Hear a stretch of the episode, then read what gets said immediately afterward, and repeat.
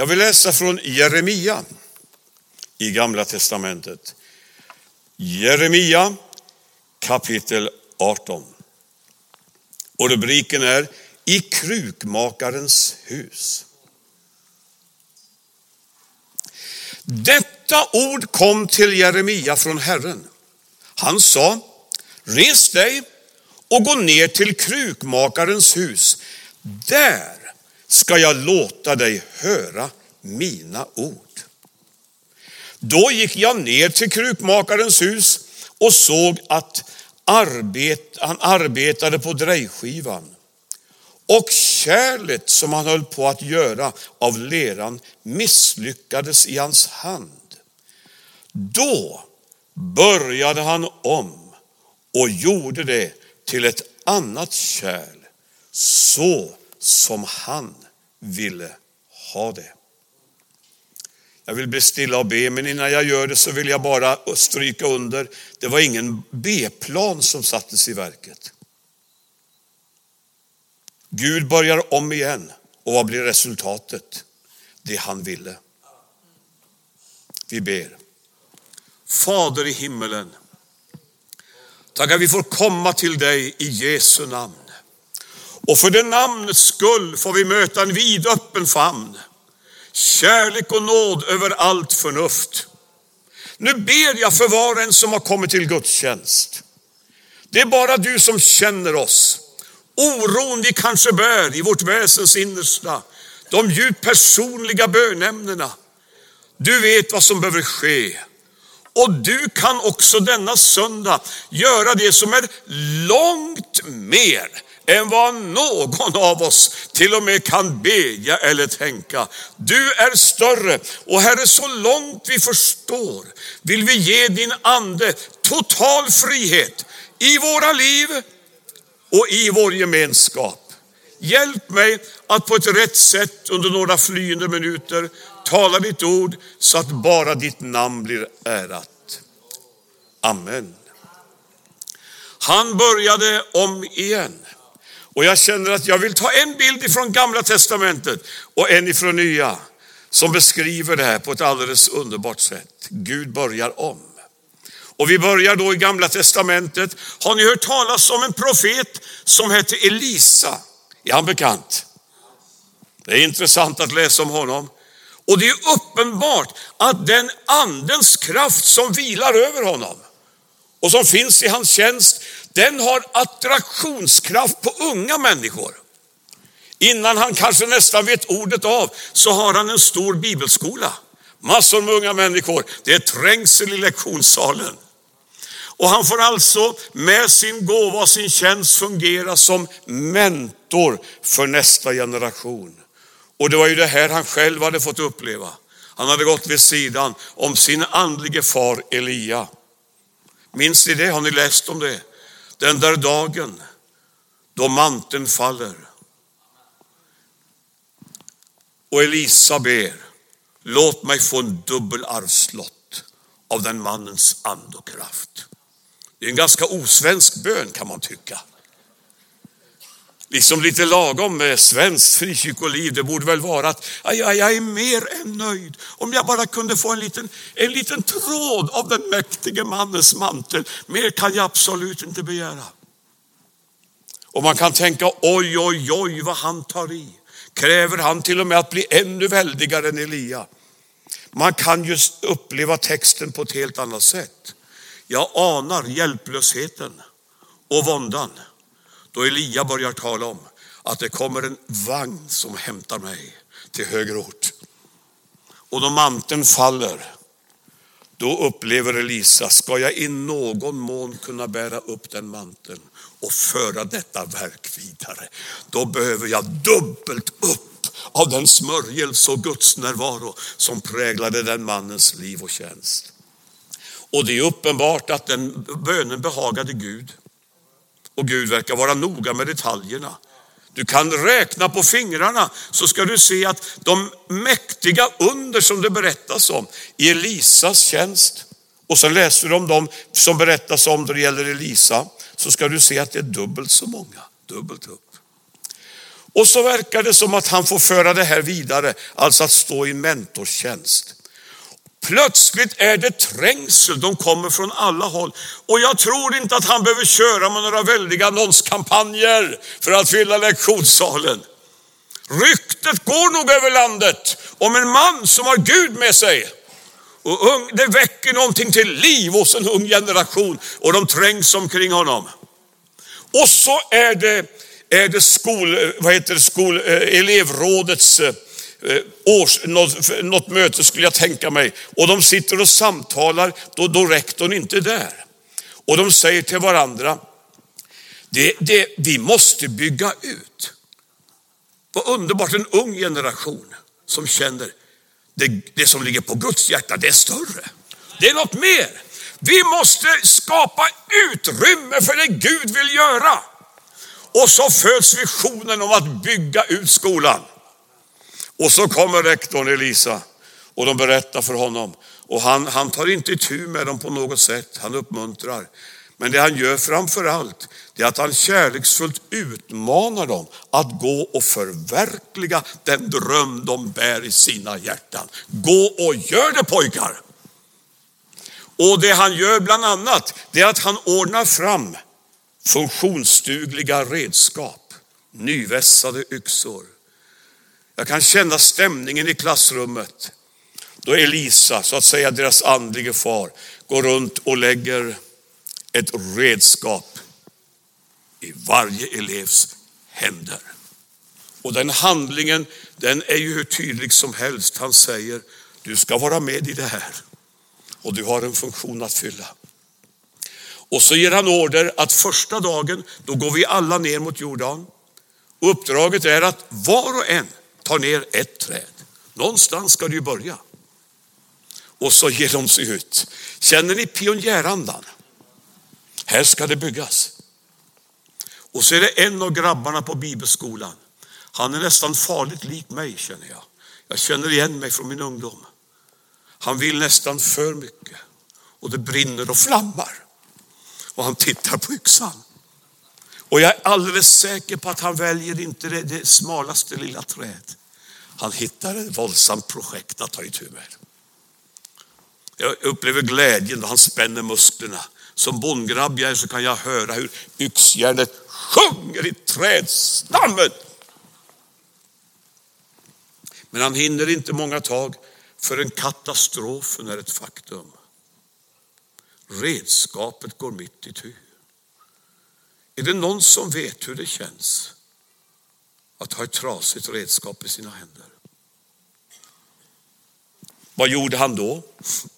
Ja, han kunde ju till exempel i skydd därav av, av sly och annan buskage, han kunde ju ha stått där och vevat med yxjärnet hela dagen, eller yxskaftet. Eller hur?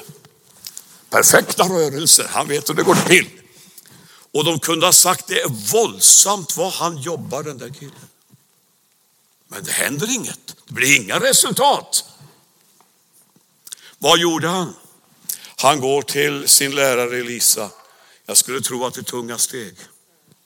Kommer där med sin trasiga yxa och säger redskapet jag fick låna av dig gick sönder. Vad säger Elisa då?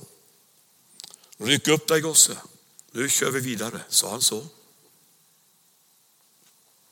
Jag är ju inte av den skolan att jag tror att vi i det oändliga ska älta gårdagens misslyckanden och hålla på och gräva i allt. Vi har ett försonande blod att ta in.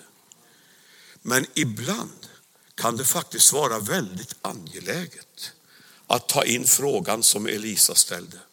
Var föll den i? Med andra, med andra ord, jag är beredd att gå med dig. Vi går tillbaka till platsen där det gick sönder och hittar tillbaka. Var föll den i? Så går de ner mot Jordan och på vägen ner emot floden så omärkligt så böjer sig Elisa ner och tar ett stycke trä i sin hand. Och det är ju ännu en bild i Gamla Testamentet på försoningen och korsets kraft. Vi tar med försoningens kraft in i det här skeendet. Och grabben pekar, där föll den i. Och Elisa kastar trästycket i vattnet. Och miraklet sker. Yxjärnet flyter upp till ytan. Och ett söndertrasat redskap blir reparerat. Det finns många liknande berättelser i Bibeln. Talar om Guds väsende. Han började om igen. Jag tar en bild också från Nya Testamentet. Visst känner ni till fiskargrabben Simon Petrus? Ja. Han inte bara skrev in sig i missionsföreningen, han drabbades verkligen av en personlig kallelse till lärjungaskap. Tänk hur starkt det var. Och det var inte i någon speciell eh, religiös bubbla. Han är mitt i vardagslivet. Då plötsligt mästaren står där. Och hans varma men heliga blick vilar på enkla fiskarpojkar. Och han håller ingen lång predikan så långt jag förstår. Han bara säger två ord. Följ mig. Men bevisligen så, så finns den kärlekens betvingande kraft i de orden så i samma ögonblick är de liksom besegrade. De kastar näten, de går ifrån båtarna och träder in i Jesu fotspår. Och jag står där på stranden och häpnar. Och så bromsar jag upp Petrus lite grann och säger, har du verkligen en aning om vad det här äventyret ska innebära? Jesus sa ju att man ska sätta sig ner och beräkna kostnaden. Nej, jag vet ingenting, säger Petrus. Jag bara vet, jag mötte hans blick. Och han talade rakt in i mitt hjärta.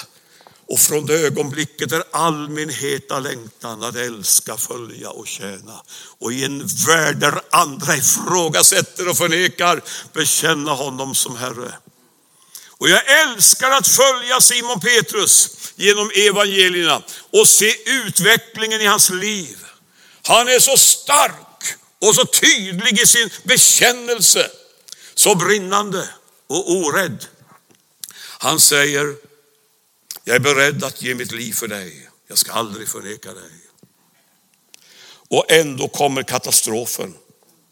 Man kan ju bara ana vilket andligt tryck det var. Då vi närmar oss offerplatsen Golgata. Och han har ett hängivet hjärta, men ändå verkar han vara helt oförberedd på att ta den här kampen och förstå vad som händer. Och plötsligt så hör han sig själv förneka och förbanna och ropa allt högre. Jag känner inte den mannen. Och jag tycker det är så hjärtskärande med just det ordvalet. Jag känner inte den mannen, ropar Petrus om mästaren han har delat livet med i flera år. Det står att han gick ut och grät bittert. Det var förnekelsens bittra natt då allt trasade sönder. Jag undrar hur den natten var. Han måste ju känna sig totalt utlämnad. Jag kan ana att det är våg efter våg som bara sköljer in över hans strand med självförakt och skuld och ångest och förtvivlan. Jag skulle kunna tänka mig att han känner det så här fram på småtimmarna. Det spelar ingen roll om solen går upp tio gånger. Det blir aldrig någon soluppgång mer i mitt liv.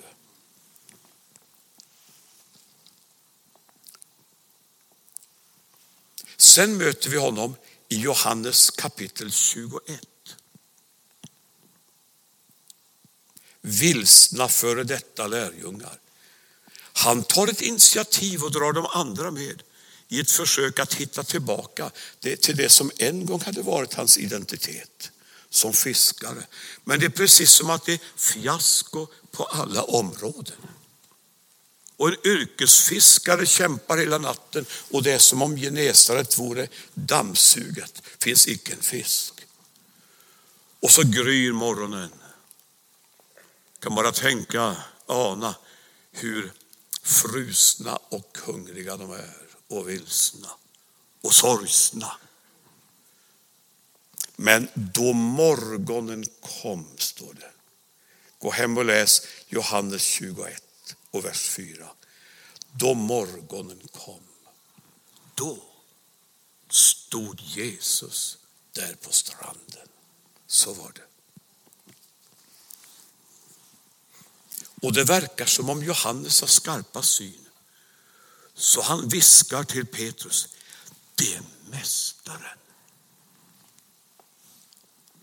Och bara Petrus får höra det kastar han sig över relingen och springer i det långgrunda vattnet in mot stranden, rakt in i ett förnyat möte med sin mästare. Jag tycker det är ganska fantastiskt. Hade det varit jag så hade jag väl hoppat över relingen och sprungit ut i djupet med händerna för ansiktet och jag hade sagt jag kan aldrig mer möta hans blick så som jag har svikit. Men jag ser honom springa där i tidigt morgonljus in i ett förnyat Jesusmöte. Då känner jag att den berättelsen, den säger mycket tydligt. Vi ska inte vara för snabba och för kategoriska att döma ut små kämpande människor. Det ser ut som en grushög, en askhög. Men bara, bara aningen, det är mästaren. Liksom bara de orden får elden att flamma upp och där springer han. Och hur går det till då? Då de kommer in och möter Jesus. Ja, är du intresserad av att ägna dig åt själavård, då bör du studera Johannes kapitel 21. Hur börjar han? Hur börjar han? Då han vill upprätta före detta små lärjungar. Han börjar med att betjäna dem. Han kommer inte med en lång föredragningslista. Jaha, nu får ni nog sätta er här på de anklagades bänk så har vi en del att ta itu med. Jag menar inte att raljera. Det är klart att vi behöver ta itu med saker. Men kanske inte just den morgonen. Hur möter han dem? Han möter dem som en, som en ödmjuk tjänare.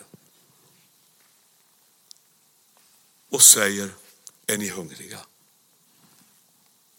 Och hur, hur formar han frågan? Han säger, mina barn. Jag kan börja gråta bara, bara åt det uttrycket. Mina barn, säger han.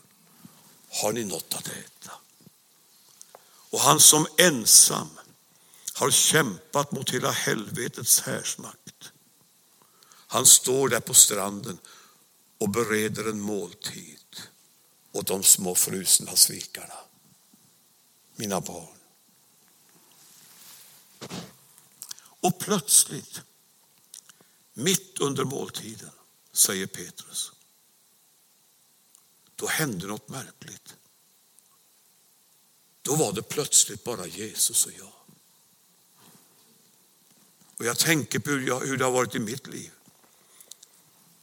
Då nöden är tillräckligt djup och han kommer nära, då är det precis som om allt annat bara plockas bort. Plötsligt är det bara jag och Jesus. Och man kan ju tycka att Jesus borde haft hur många frågor som helst. Men han har bara en. Och vad noga han är med detaljerna. Han som har förnekat tre gånger utmanas. Det är precis som att Jesus med kärlekens band bara drar honom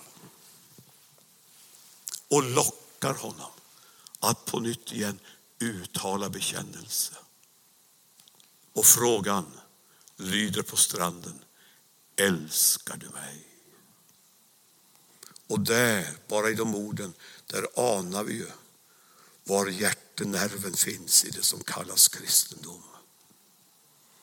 Jag vet pojken min, jag vet. Men en fråga som gäller är följande. Har du mig kär? Och tredje gången, då frågan når fram till Petrus. Jag kan nästan föreställa mig att han sjunker ner där på stranden helt till intet jord. Och så ger han sin enkla trosbekännelse med orden Herre, du vet allt. Ja, så är det. Och det vet man om man har kommit till den där stranden och mött den blicken. Du vet allt. Du vet, jag har dig kär. Sen händer följande. Jesus ser på Petrus och de två ord han uttalar, de känns bekanta. Han säger Följ mig.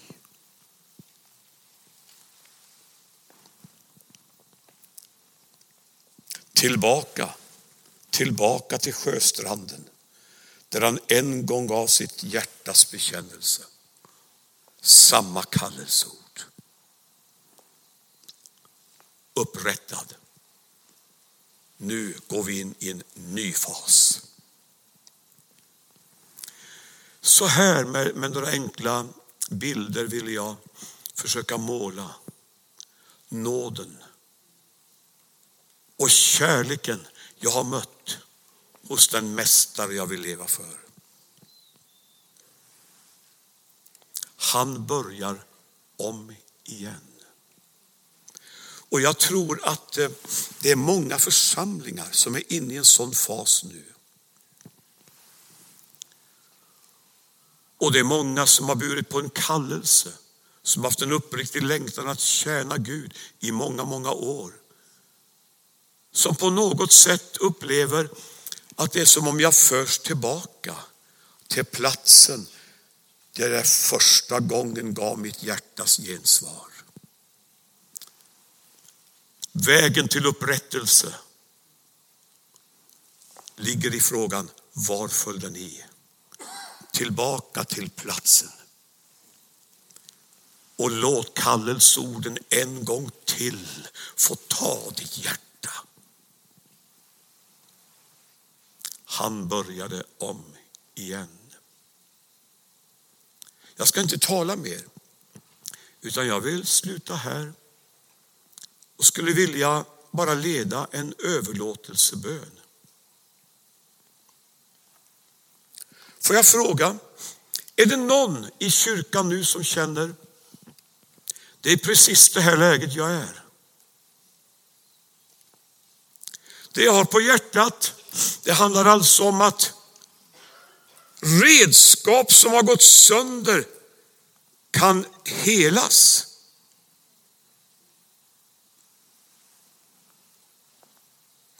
Flammande kallelsevisshet kan återvinnas. Så är det. Och ibland så är det precis som om Gud i sin nåd låter saker ske för att det ska få ta ännu djupare i våra liv. Han begynte om igen. Så vi står inför en ny tid, det är en utmanande tid. Och din ungdoms Gud kallar på dig. Jag tror vi böjer våra huvuden. Ska inte känna att pastor Helmner försöker jaga upp någon konstlad stämning. Det är inte alls min önskan. Jag önskar och längtar så att jag med mitt sätt att tala kunde få vara med och dra dig in i ett verkligt Jesusmöte. Upprättelse i andliga gåvor. En ny fas i din tjänst. Vill du möta Gud? Om du bär någonting sånt i ditt hjärta om du har ett bönämne, är du sjuk i din kropp, är det vårt uppdrag att be för dig. Det är vår kallelse. Om du längtar efter ett, ett nytt radikalt Jesusmöte, ett förnyat dop i helig ande. Jag står kvar några ögonblick, knäpper mina händer och känner du den här förmiddagen är för mig, res dig upp och kom fram hit ska vi lägga våra händer på dig och be. Krukmakarskivan, ja det är en underbar plats. Så vill du ha förbön, Jag väntar på dig. Då får du komma hit. Välkommen. Och välkomna lovsångare.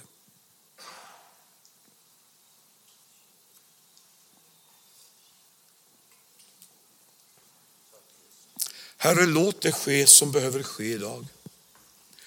Du förlåter synder och helar brister.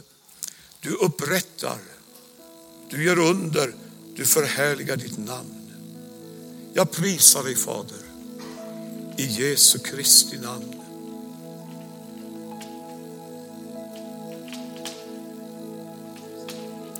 Tackar och lovar dig Herre.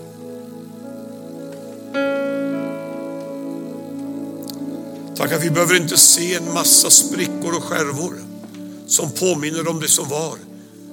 Du börjar om på nytt, du gör någonting helt nytt i våra liv. Jag ber för den som behöver dig nu och som längtar efter din hjälp. Välkommen helige Ande. Amen. Välkomna förebedjare och bed för den som önskar förbön. Vi sjunger och är i Guds närhet. Betjänar i förbön i Jesu namn. Välkomna.